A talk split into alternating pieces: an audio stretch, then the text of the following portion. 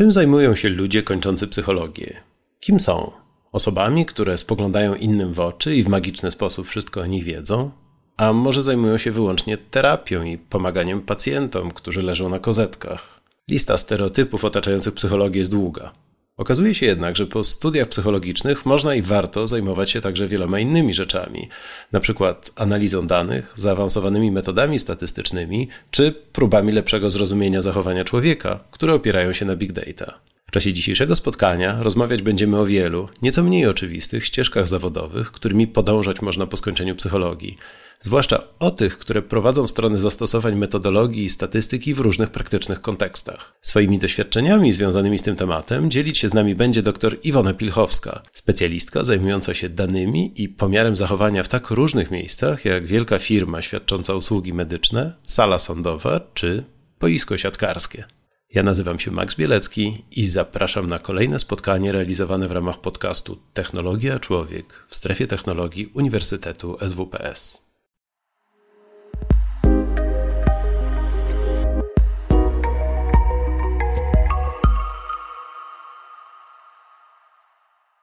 Słuchasz podcastu z cyklu Technologia Człowiek, realizowanego w ramach Strefy Technologii Uniwersytetu SWPS. Więcej wiedzy o wpływie technologii na ludzi znajdziesz w kanałach naszego projektu na YouTube i Spotify.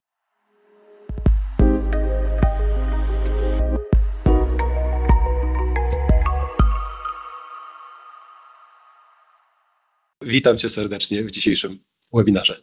Dzień dobry, cześć. Myślę, że bardzo wiele osób do nas dołączyło dzisiaj, żeby trochę się dowiedzieć o tym, no właśnie, jak to zrobić? Wiele się słyszy o data science, wiele się słyszy o tym, że jest to niezwykle taki gorący zawód. Niektórzy mówią, że to jest zawód przyszłości. Moim zdaniem to jest już w ogóle zawód teraźniejszości, to znaczy już teraz jest po prostu ogromny popyt na ekspertów w tej dziedzinie. Jak to jest? Jak się ma, e, co powinien umieć e, człowiek, który myśli o tym, żeby się zająć analizą danych i, jak to się ma do tego, czego uczymy zwykle psychologów na studiach w tym obszarze? Znaczy ja przede wszystkim myślę, żeby najpierw odpowiedzieć na pytanie, dla kogo jest ta praca. Przede wszystkim dla osób, które lubią siedzieć w danych, lubią je analizować, e, lubią zadawać sobie bardzo dużo pytań, no i tak naprawdę lubią gdzieś tam starać się podważać e, te techniki, które stosują. Natomiast e, czy wystarczy do tego sama mm, wiedza, którą zdobędziemy na studiach psychologicznych? No tutaj niestety odpowiem, że no nie do końca.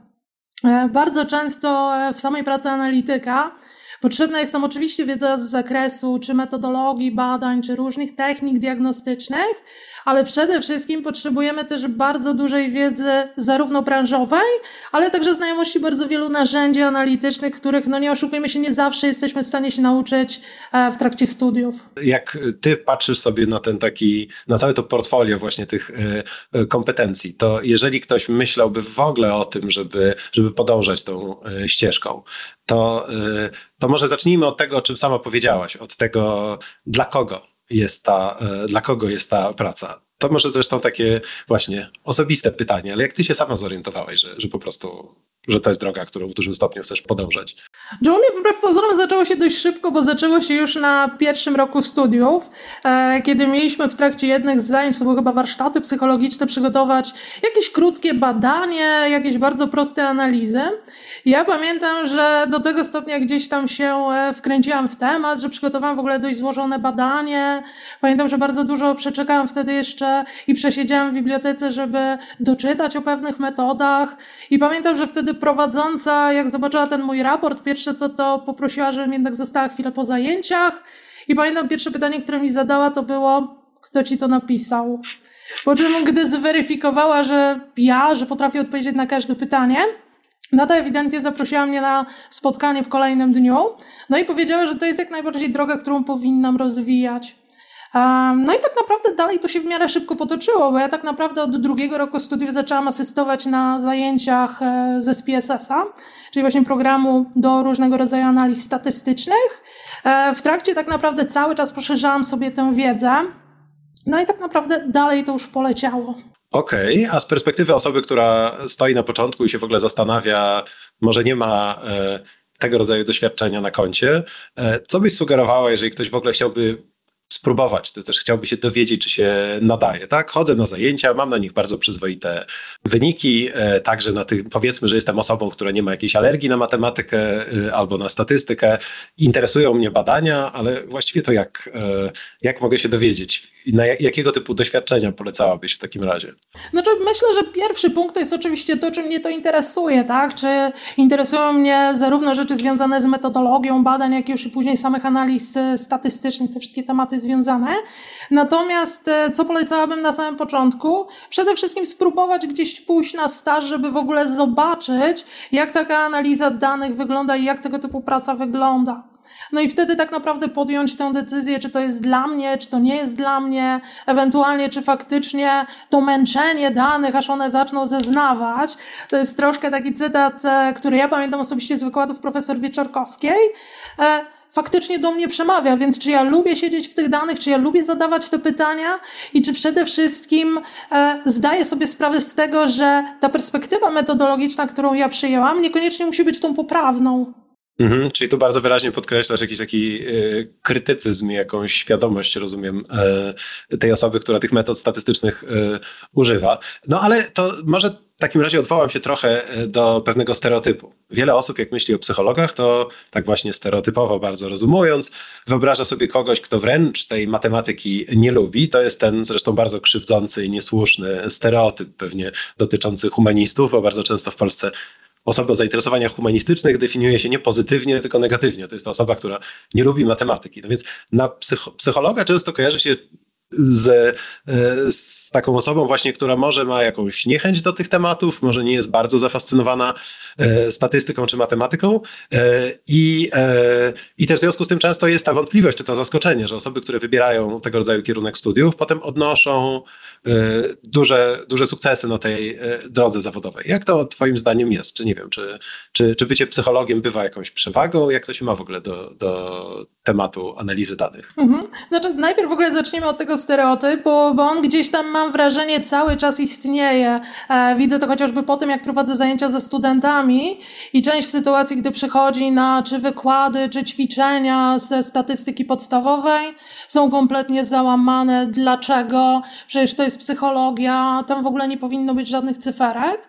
E, po czym tak naprawdę część z tych osób w trakcie zajęć przekonuje się do tego, że wcale to tak naprawdę nie jest po pierwsze tak wymagający i tak naprawdę matematyczny przedmiot, tylko tak naprawdę to, co jest ważne, to tak naprawdę samo zrozumienie zjawiska, wyjaśnienie go odpowiednimi czy regułami rządzącymi się w metodologii, czy też doborem odpowiednich analiz.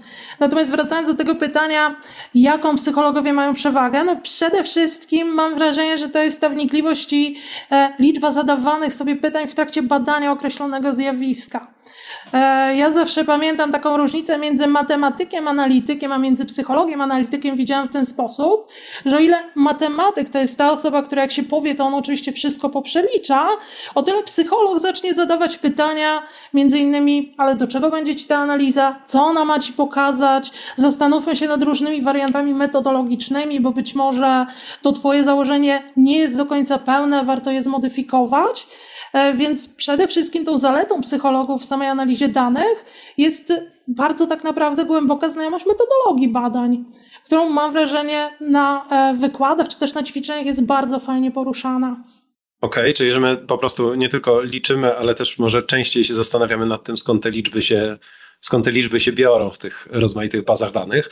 A czy przechodzi Ci do głowy coś jeszcze? No bo tak, y, co, co jest potrzebne w ogóle do tego, żeby skutecznie wykonywać tę pracę? Pewnie trochę o tej e, technologii, że tak powiem, i o tych twardych rzeczach, które warto umieć, też sobie y, porozmawiamy, ale najpierw chciałem się właśnie zapytać o, te, o całą resztę tych kompetencji, bo bardzo często też jak ludzie myślą sobie o analizie danych, to to właśnie im się kojarzy z takim, no trochę, może niewiele się to w takim stereotypie różni od, od stereotypu programisty, tak? Ktoś siedzi w jakimś mrocznym pomieszczeniu, wpatruje się w jakiś ekran i, i, i tam tylko migają y, cyfry i to jest właściwie koniec tej, koniec tej pracy. No, ja sam trochę się tym zajmując wiem, że, y, wiem, że niekoniecznie, a nawet nawet zdecydowanie nie, ale jakie ty masz doświadczenie, jeżeli chodzi właśnie o to, czym tak naprawdę analityk się musi zajmować i co musi umieć? Ja bym powiedziała, że to też w dużej mierze zależy od tego, gdzie pracujemy, czym się zajmujemy, ponieważ z jednej strony, chociażby ta moja praca w kadrze tenisa ziemnego polegała na tym, że moim zadaniem było przygotowanie rozpiski taktycznej przeciwnika.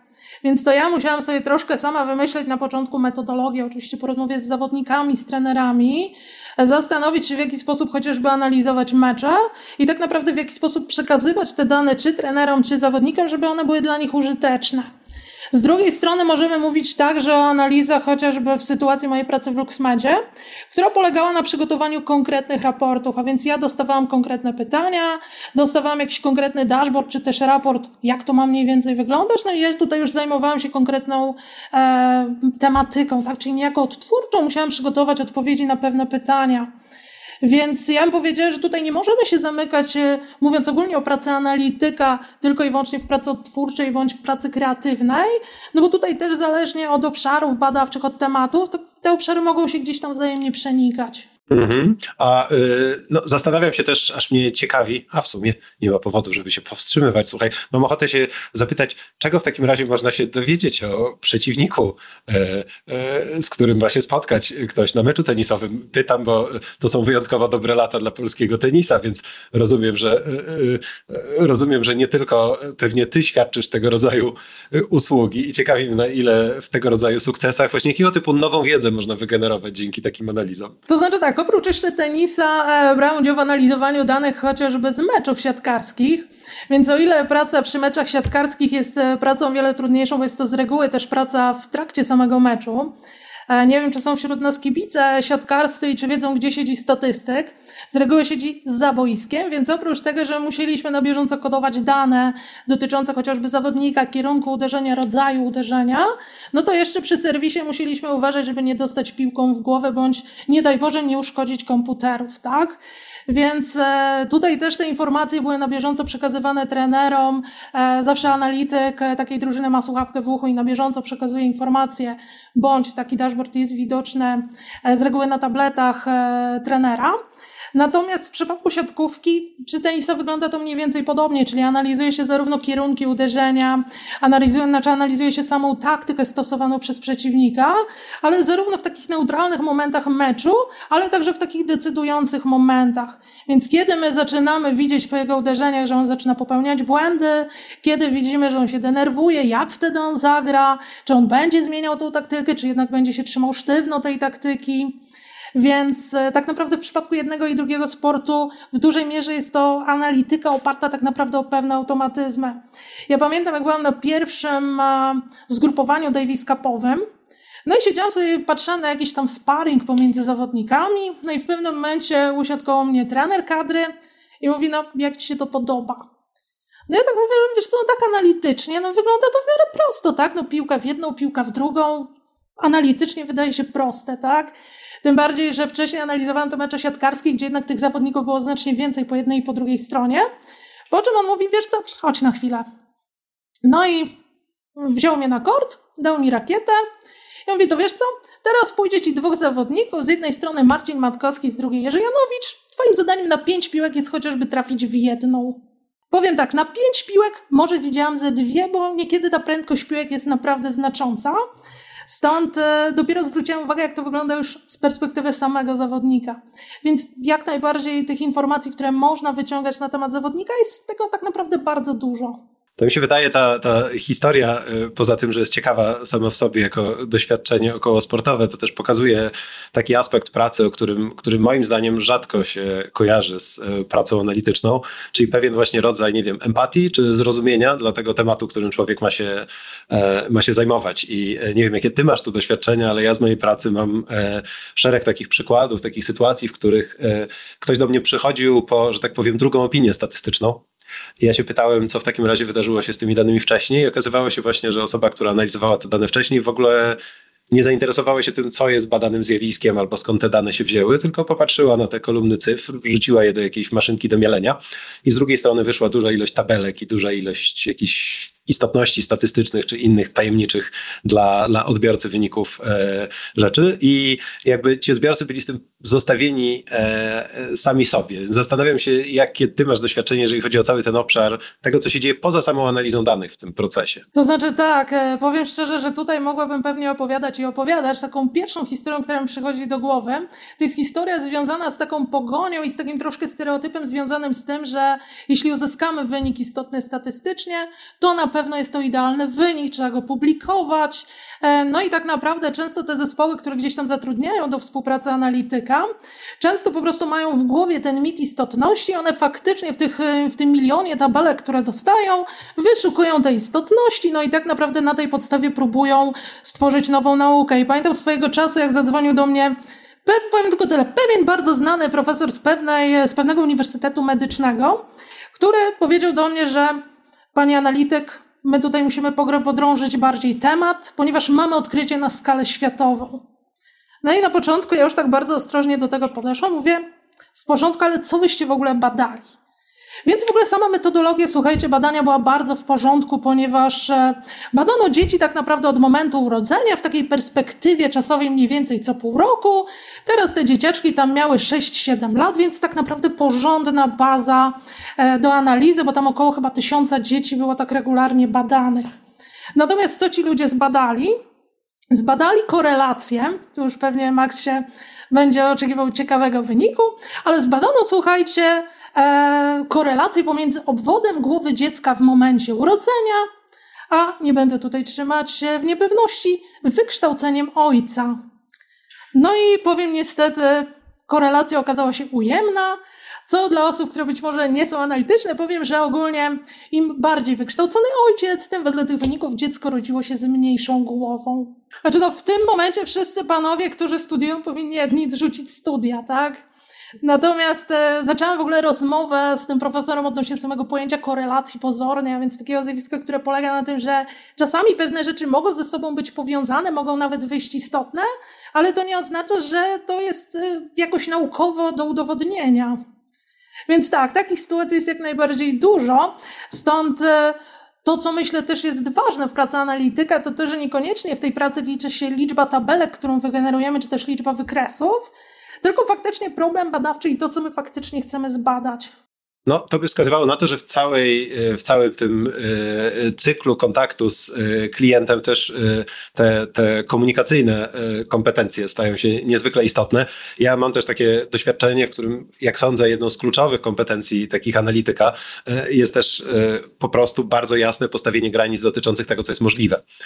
Dlatego, że już pomijam takie przypadki, w których zgodnie zresztą ze starym statystycznym cytatem bodajże z klasyka statystyki, czyli Fischera, że czasem rolą statystyka, znaczy, że statystyk zostaje wezwany tylko po to, żeby stwierdzić zgon badania, to rzeczywiście są takie przypadki, w których dostajemy jakieś dane do analizy i okazuje się, że kompletnie nic z nimi nie można zrobić, bo badanie zostało na przykład w jakiś niepoprawny sposób przeprowadzone, ale, ale nawet jeżeli mamy do czynienia z takim bardziej optymistycznym scenariuszem, to, to ta umiejętność powiedzenia komuś, co się da, a że jednak pewne rzeczy są niemożliwe i że z pustego i Salomon nie naleje, to jest, e, to jest jakaś część taka, powiedziałbym, negocjacyjna, ważna, ale też z drugiej strony, tak jak o tym powiedziałaś, to też ważna jest ta część, która się dzieje po stronie już po realizacji analizy, tak? Znaczy mamy te wyniki, musimy wyjaśnić, co one znaczą e, naszym odbiorcom. No to jak o tym myślę, to wydaje mi się, że to są rzeczy, w których psychologowie teoretycznie, czy w ogóle przedstawiciele, przedstawicielki nauk społecznych powinni mieć jakąś istotną przewagę tak naprawdę w stosunku do, e, do wielu innych dyscyplin. Ale masz wrażenie, że rzeczywiście tak jest? To znaczy, że my, czy, czy psycholog czymś wygrywa jako analityk, tak bym zapytał, właśnie w tym obszarze?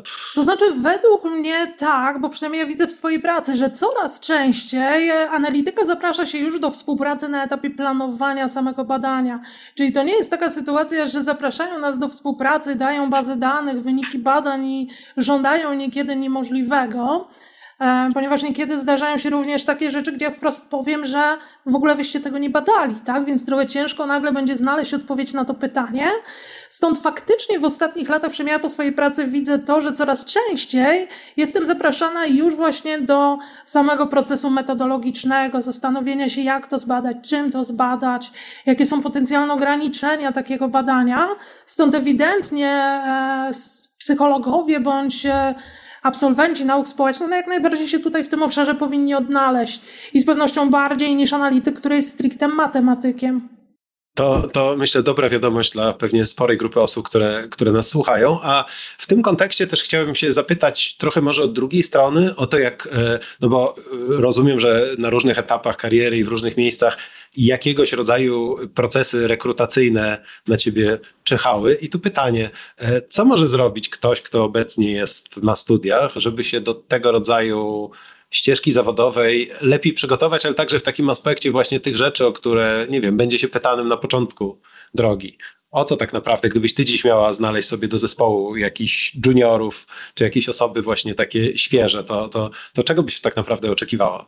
No to ja pewnie znając e, mnie, no to po prostu wymyśliłabym jakieś zadanie, gdzie celem byłoby wymyślenie tak naprawdę metodologii do określonego badania, więc do problemu, który ja zaproponuję, no i tak naprawdę zaplanowanie, nie wiem, jakichś potencjalnych pomysłów na analizy, bądź ewentualnego podejścia do tych analiz, a więc co w ogóle sprawdzisz, po części też po to, żeby wykluczyć takie osoby, które troszkę uczą się pewnego błędnego schematu analizy, który polega na tym, że najpierw policz średnie, najpierw, nie wiem, wybierz analizy i idź ślepo w te analizy, tylko najpierw bym sprawdziła, czy faktycznie ta osoba najpierw poświęci troszkę czasu, troszkę wracając do tego cytatu, czyli pomęczy te dane, aż one zaczną zeznawać, czy po prostu pójdzie utartym schematem typu wszędzie wyliczane są korelacje, to ja też te korelacje policzę.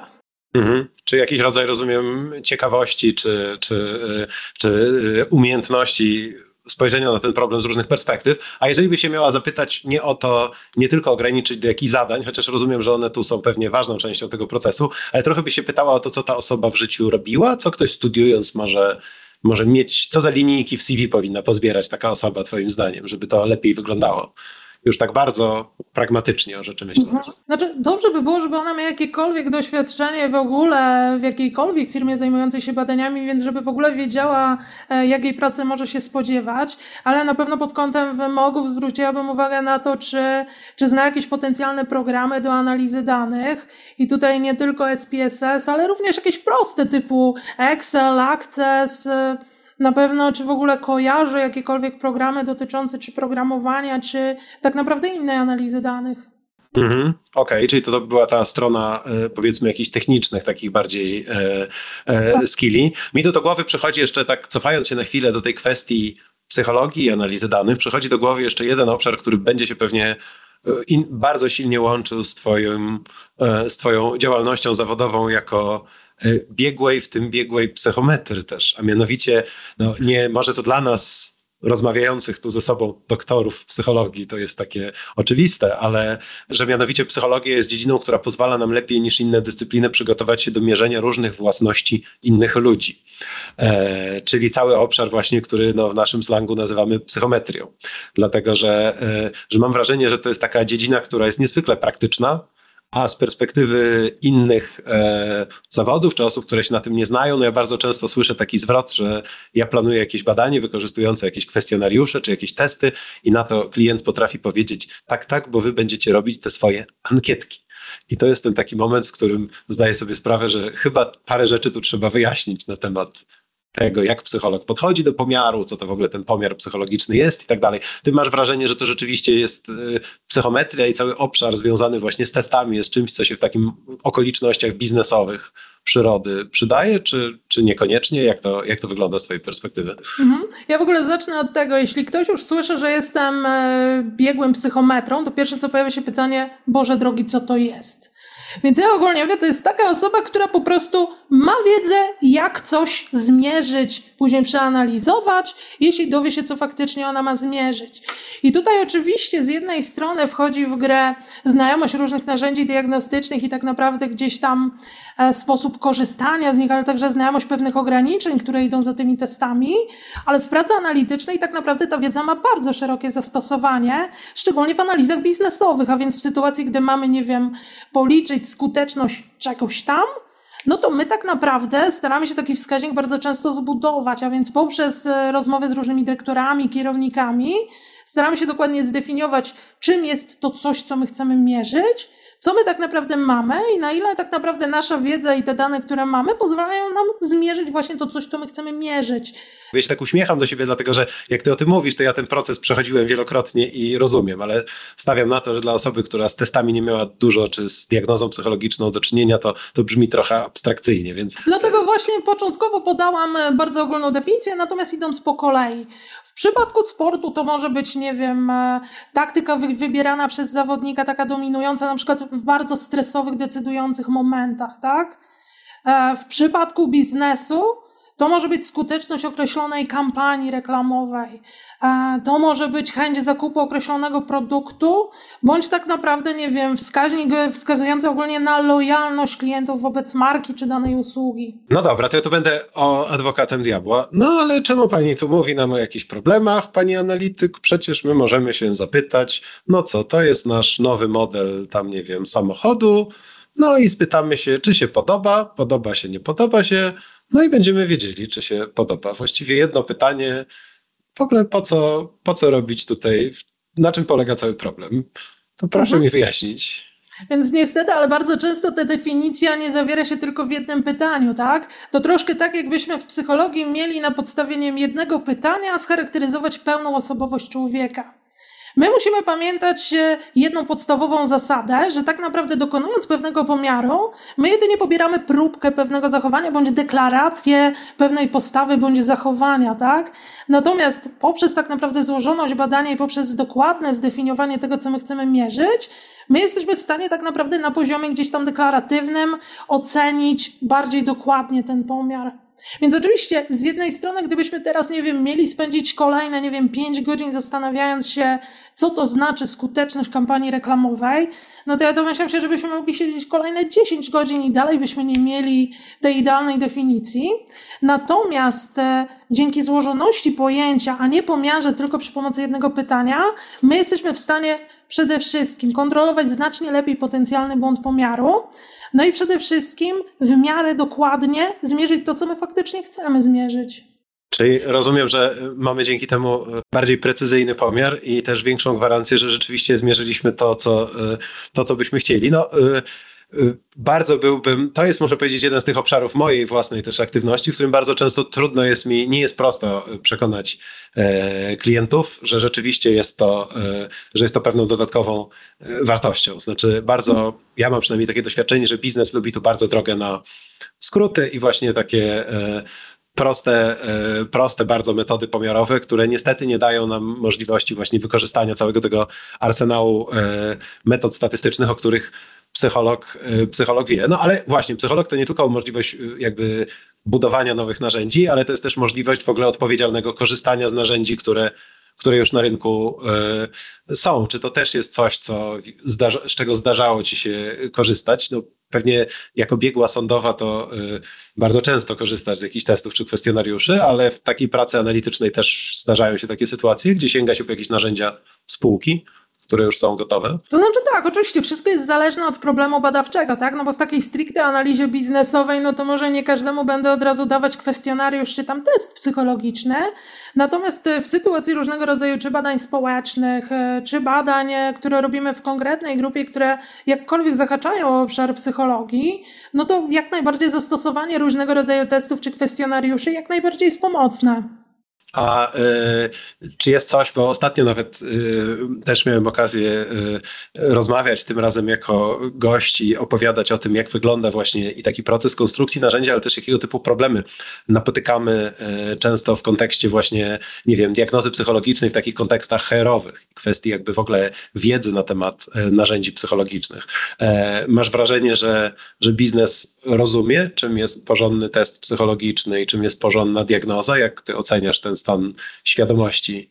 To znaczy, ja powiem tak, obojętnie, czy ja będę mówiła tutaj o obszarze analizy danych, czy o pracy tej mojej jako biegły psycholog, no to bardzo często e, w ogóle diagnostyka psychologiczna jest traktowana jako trochę szarlatanerstwo na zasadzie przecież w internecie część kwestionariuszy i testów jest, więc tak naprawdę czym to twoje narzędzie wyróżnia się chociażby od tego, które mogę za darmo zrobić w internecie, z tego też względu to podejście bywa tak naprawdę różne.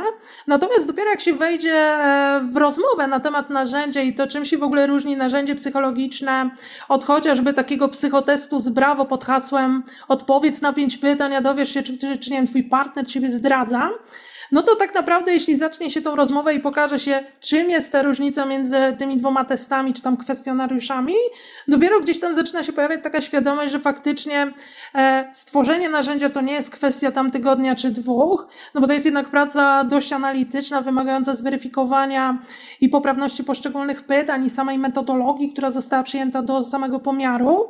No i tak naprawdę wtedy też ta otwartość na bardziej złożone metody pomiaru też się automatycznie zwiększa, przynajmniej tak to widzę z mojego mojego doświadczenia. Czyli mówi, że jest nadzieja. No ja bardzo byłbym, bardzo byłbym rad, gdyby, gdyby rzeczywiście e, tak było, ale myślę też, że to znowu może być takim kolejnym punktem e, jakiejś ekstra wiedzy, którą my, psychologowie, wnosimy do różnych kontekstów e, biznesowych i analitycznych. Tu w tym kontekście właśnie też mogę nawiązać do komentarza właściwie bardziej niż pytania, które pojawiło się. Pani Martyna zapytuje, tu pisze, że jest gdzieś pomiędzy umysłem humanistycznym a ścisłym, ale ma background psychologiczny i zastanawiała się właśnie, czy, czy, czy wracając do pracy, jak rozumiem, w jakimś kontekście biznesowym, czy, czy, e, czy, czy tego rodzaju działalność analityczna to jest coś, e, to jest coś dla niej. Co ten komentarz mnie skłania do zadania właśnie jeszcze jednego pytania. Czy, czy to wykształcenie, z którym się przyszło, ma w tych procesach rekrutacyjnych jakieś fundamentalne znaczenie? To znaczy, w momencie, w którym ktoś myśli o tym, żeby zostać analitykiem, czy z perspektywy pracodawcy to jest jakieś szalenie ważne, że ktoś jest, nie wiem, psychologiem, a nie socjologiem, albo psychologiem, a nie a nie jest po, nie wiem, ekonomii. To znaczy, czy masz wrażenie, że jakoś ta psychologia ważyła? E, nie mówię tu oczywiście o zostaniu biegłym psychologiem, no bo to są mhm, tak. wiadomo, ale mówię tu, chodzi mi tu o ten kontekst taki biznesowo-praktyczny. Czy, czy, to, czy czy to jest wartość, czy to jest problem, czy jak to wygląda? Znaczy powiem tak, jak ja jeszcze zaczynałam pracę analityczną, to faktycznie w wielu ogłoszeniach, a więc tam gdzieś w granicach tam nie wiem 10-15 lat temu, faktycznie głównym takim oczekiwaniem, jeśli chodzi o analitykę, to jednak było ukończenie e, czy ekonomii, czy kierunków pokrewnych, natomiast ta psychologia gdzieś dopiero gdzieś tam dalej się pojawiała. Natomiast mam wrażenie, że w ostatnich latach e, coraz jest zarówno więcej ogłoszeń dotyczących e, wśród wymogów podawania tego, że dobrze byłoby, żeby to był psycholog bądź socjolog, no bo też mam wrażenie, że w ostatnich latach coraz bardziej zwraca się uwagę właśnie na poprawność metodologiczną, a nie na stricte same umiejętności analityczne. Stąd e, w pracy w korporacjach świetnie odnajdzie się psycholog, który zna dobrze metodologię, kojarzy mniej więcej metody analityczne, ale być może nie zawsze potrafi je poprawnie tam policzyć. I tak samo odnajdzie się psycholog, który świetnie potrafi liczyć, a gdzieś tam e, zna podstawy metodologii. Okej, okay, czyli rozumiem, że przestało to być w każdym razie, na pewno nie jest to przeszkodą, a być może nawet jest to, jak rozumiem, pewną zaletą czy, e, czy, e, czy wartością. No bo właśnie pytam o to dlatego, że bardzo często takie osoby z takim twardym backgroundem, można powiedzieć jakimś inżynierskim, tak, rzeczywiście mają w głowie taką wizję tego psychologa jako osoby, która nie do końca rozumie całą tą e, maszynerię matematyczną, która stoi za statystyką. Ja z mojego doświadczenia często mam empatyzuję z tym, o czym wspominałaś, mówiąc o tym, że no właśnie poza umiejętnością mielenia liczb jest też umiejętność rozumienia po prostu świata, rozumienia tego, jak badania są skonstruowane i że w tym momencie, e, i że w tym momencie e, wartością okazuje się być nasz krytycyzm, nasza znajomość metodologii.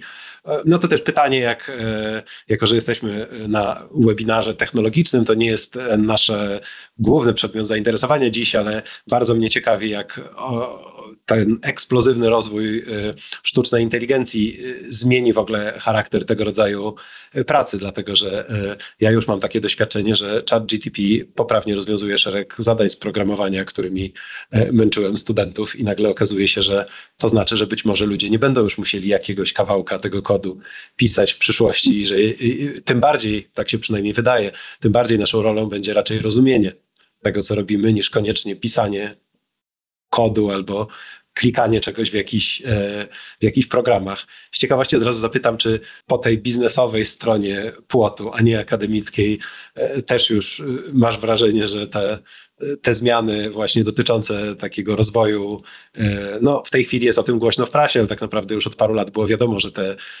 że te modele językowe bardzo się zmienią. Czy masz wrażenie, że to w jakiś istotny sposób wpłynie na, na twoją pracę i na to, jak się ją wykonuje, czy to jeszcze nie jest ta chwila? To znaczy powiem tak, na pewno to, na co trzeba zwrócić uwagę, to to, że w ostatnich latach coraz więcej mówi się o automatyzacji pewnych procesów.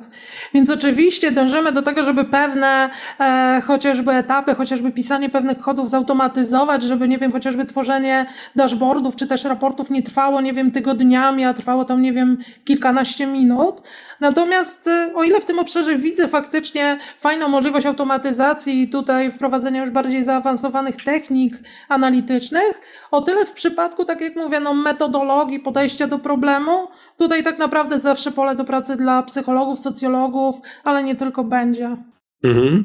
To mamy to ciekawe, bo mamy właśnie pytanie od pani Agnieszki, dokładnie y, dotyczące y, odwrotnej sytuacji niż tej, o której rozmawiamy przez większość czasu, y, bo mianowicie nasza słuchaczka mówi, że ma wykształcenie matematyczno-analityczne, a teraz studiuje kognitywistykę i zastanawia się jakby jakie są możliwości, czy jaką to może być wartością w kontekście takiej przesiadki w drugą stronę, czyli jak rozumiem zmiany ścieżki kariery właśnie na z takiej bardziej analitycznej na, na psychologiczną. Jakie ty to masz doświadczenia? Ale powiem szczerze, jak najbardziej. To są e, kierunki, które jak najbardziej mogą się uzupełniać. I to po części ja widzę w różnicy między moją pracą jako analityk danych, a między moją pracą chociażby jako biegły psycholog, tak? Gdzie w obu tych pracach podstawą jest tak naprawdę myślenie analityczne. Czyli troszkę obmyślenie metodologii, przemyślenie ograniczeń, wybór odpowiedniej, odpowiednich działań, by móc odpowiedzieć na określone pytania. Stąd jak najbardziej uważam, że ten kierunek jest również jak najbardziej poprawny. Ja też mogę tu dodać, bo trochę się poczułem tym pytaniem czy komentarzem wezwany do odpowiedzi jako wieloletni koordynator neurokognitywistyki właśnie u nas na uczelni i e, mogę powiedzieć z doświadczenia, że osoby, które na przykład ukończyły studia pierwszego stopnia, e, jakieś ścisłe, nie wiem, na fizyce, na inżynierii biomedycznej, e, jeżeli takie osoby wybierały studia drugiego stopnia na e, e, właśnie z obszaru kognitywistyki na e, SWPS-ie, to bardzo często byli, były to bardzo obiecujące, że tak powiem, e, e, osoby studiujące, to znaczy bardzo obiecujące od takiej strony naukowej właśnie, dlatego że to był bardzo często taki dość unikalny miks rzeczywiście bardzo bogatej takiej wiedzy matematycznej czy programistycznej i e, zrozumienia i takiej wiedzy przedmiotowej, zrozumienia tego, co, do czego tych metod tak naprawdę się używa. No i można też powiedzieć, że akurat nie wiem, czy jest to nurt, który jest jakoś niezwykle silny w Polsce reprezentowany, ale już coraz bardziej. No, psychologia się bardzo silnie matematyzuje też, więc jest coraz więcej metod opierających się na, e, na modelowaniu. Więc wydaje mi się, że e, jeżeli ktoś ma takie kompetencje, że bez dużego trudu potrafi e, operować w głowie, na, obracać sobie w głowie rozmaite macierze i wie, jak co przez co mnożyć i wie, jak coś całkować i wie, jak programować i zacznie się zajmować tą serią psychologią, to bywa to elementem no bardzo, bardzo dużej, że tak powiem, e, przewagi. Więc tak, to, ja nawet na tym etapie powiem, że dla mnie z takich najbardziej wartościowych e, spotkań były takie spotkania, mi się wydaje, że już teraz chyba Uniwersytet WPS nie organizuje tego typu wyjazdów, ale jeszcze parę lat temu co roku odbywały się takie cykliczne wyjazdy właśnie studentów psychologii, studentów UJ-u, AGH i Uniwersytetu Ekonomicznego w Poznaniu, gdzie tak naprawdę naprawdę z reguły już wieczorami siadaliśmy sobie w kółku. Tam między innymi przyjeżdżał czy profesor Sagan, czy profesor Górniak, po czym zaczynali poruszać różnego rodzaju problemy metodologiczne, no i po kolei pytali, tak, co ty uważasz o tym jako psycholog, co ty uważasz jako socjolog, a co ty teraz powiesz jako ekonomista czy matematyk.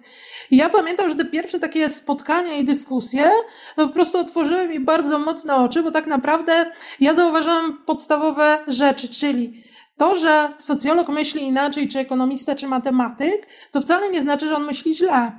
On patrzy ze swojej perspektywy, w związku z tym też czasami warto wyjść poza tą granicę, ja jako psycholog, no i tak naprawdę zastanowić się i spojrzeć na problem z zupełnie innej strony.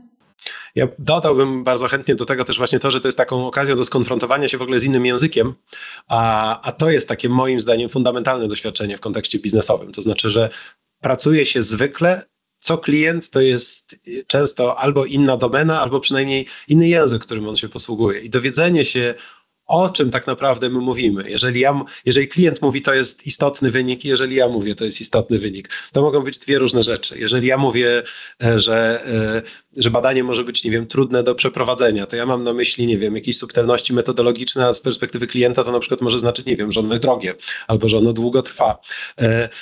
To uzgodnienie tych języków e, to jest coś, co się bardzo dobrze kształci, że tak powiem, kształtuje w takim kontekście e, interdyscyplinarnym. To muszę powiedzieć, że o tych wyjazdach to ja nawet nie wiedziałem w historii naszej uczelni, natomiast mogę spokojnie powiedzieć, że bardzo wiele zespołów naukowych, które działają u nas na uniwersytecie, to są już dzisiaj zespoły interdyscyplinarne, bo po prostu właśnie nie jesteśmy samą psychologią, jesteśmy uniwersytetem, więc coraz częściej jest tak, że e, po pierwsze w jednym zespole mogą spotkać się, nie wiem, informatycy, neuronaukowcy i psychologowie i to będzie wyłącznie SWPS albo, albo, też, e, albo też po prostu e, podejmujemy jakieś współpracę z, nie wiem, z e, politechnikami, z innymi instytucjami, więc tych okazji, jeżeli ktoś myśli o takiej współpracy powiedziałbym, interdyscyplinarnej, to takich okazji jest na szczęście w życiu studenckim sporo i myślę, że podobnie zresztą pewnie jest teraz całe szczęście na, na, na innych uczelniach.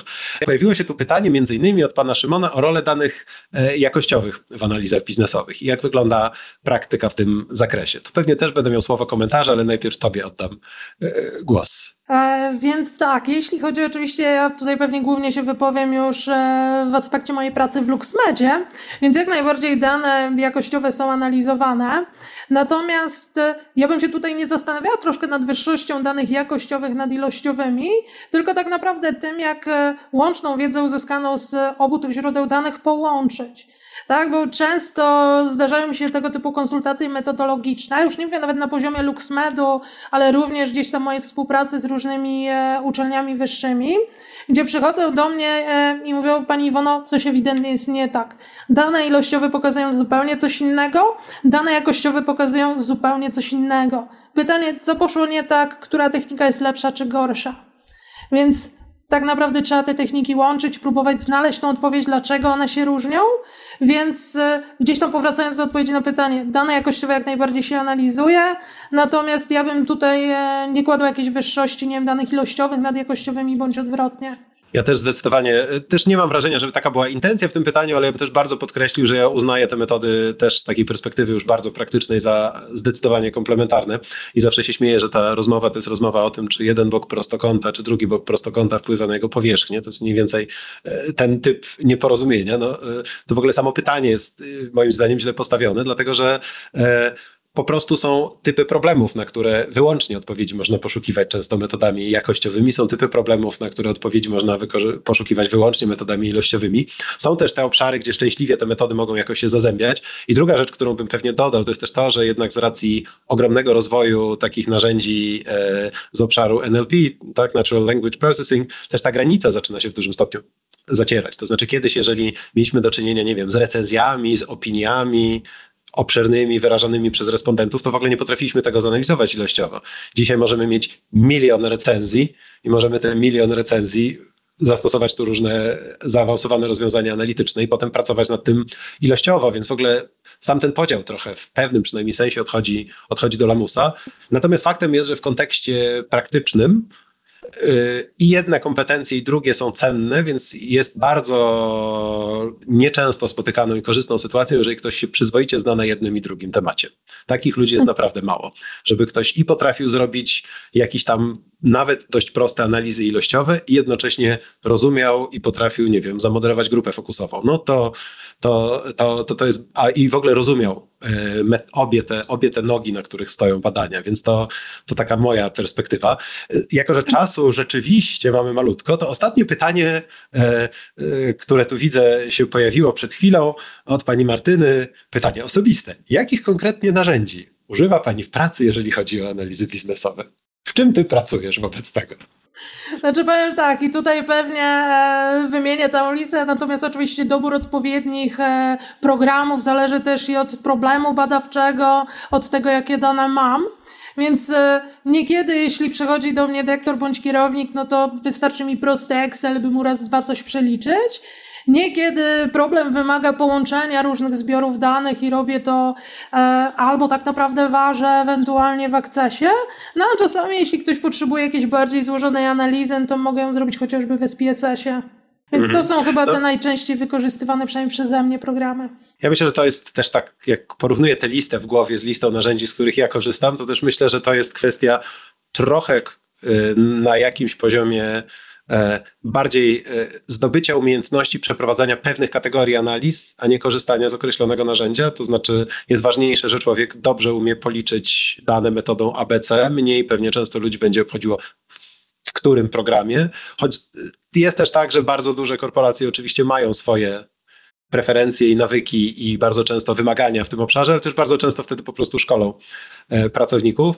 Może taka moja mała uwaga do psychologów, skoro się pojawił ten wątek, to powiedziałem tak, mam wrażenie, że akurat w kształceniu stricte psychologicznym, jeżeli ktoś myśli o pracy korporacyjnej, to nieco zaniedbany jest właśnie wspomniany tu przez Iwonę wielokrotnie Excel, a on jest troszkę takim lingua franca biznesu, to znaczy gdzie się nie wejdzie, to, y, to na koniec umiejętność zrobienia jakichś tabel przestawnych, Tabel przestawnych albo tak naprawdę prostego dashboardu nagle jest rzeczą, która kompletnie przytłacza psychologa i to są rzeczy, które nie oni świetnie potrafią zrobić, nie wiem, w SPSS-ie, w statystyce ewentualnie, natomiast nagle prosty Excel już zaczyna robić problemy. A, a to jest oprogramowanie, które właściwie każdy biznes ma na pokładzie i gdzieś tam też w dużym stopniu oczekuje, więc jeżeli miałbym sugerować uzupełnienie tego, to nie wiem, czy Iwono zgodzisz, ale, ale że pewnie ten, o ten Excelowy kawałek ogródka to warto zadbać, bo chociaż są to takie podstawy niby, to y, to, to są podstawy często, często niezbędne po prostu. Znaczy tak, ja nawet powiem szczerze, jak ja sobie przypominam moją rozmowę kwalifikacyjną chociażby w LuxMedzie,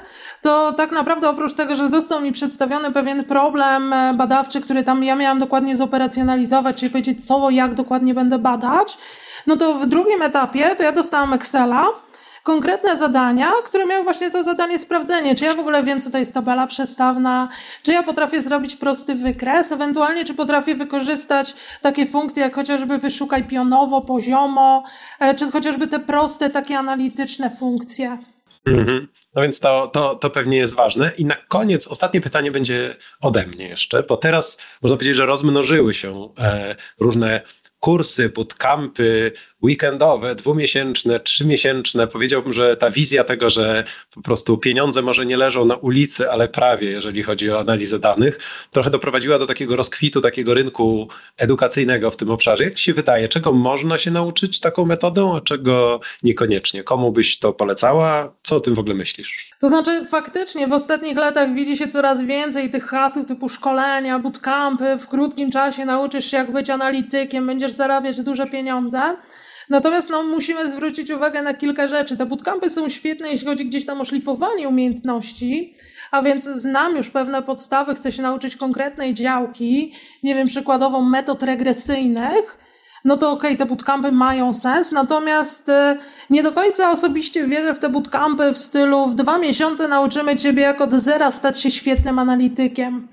Więc e, te szkolenia na pewno mają sens w przypadku szlifowania wiedzy, natomiast z pewnością nie są wskazane do takich szkoleń kompletnie od zera. Ja też powiedziałbym, że ich istotną wadą jest, widzę tu dwie. Jedną jest to, że ta wiedza bardzo często jest właśnie taka bardzo narzędziowa. To znaczy wyobrażam sobie, że jeżeli nigdy nie posługiwałem się językiem programowania X, ale programuję, nie wiem, używam ERA, chcę się nauczyć e, analizy danych w Pythonie, to to by miało sens. Natomiast jeżeli w ogóle nigdy jej nie robiłem, to, to jednak całe to szkolenie metod metodologiczne, psychometryczne, cała ta wiedza, którą my, dyspo, którą my dysponujemy jako psychologowie, no, też jest ważna, a tego się w weekendy nie, nie zrobi, chociaż być może jako uzupełnienie pewne właśnie takich kompetencji, które już zyskał ktoś w toku studiów, to, to pewnie wtedy mogłoby być, mogło być cenne.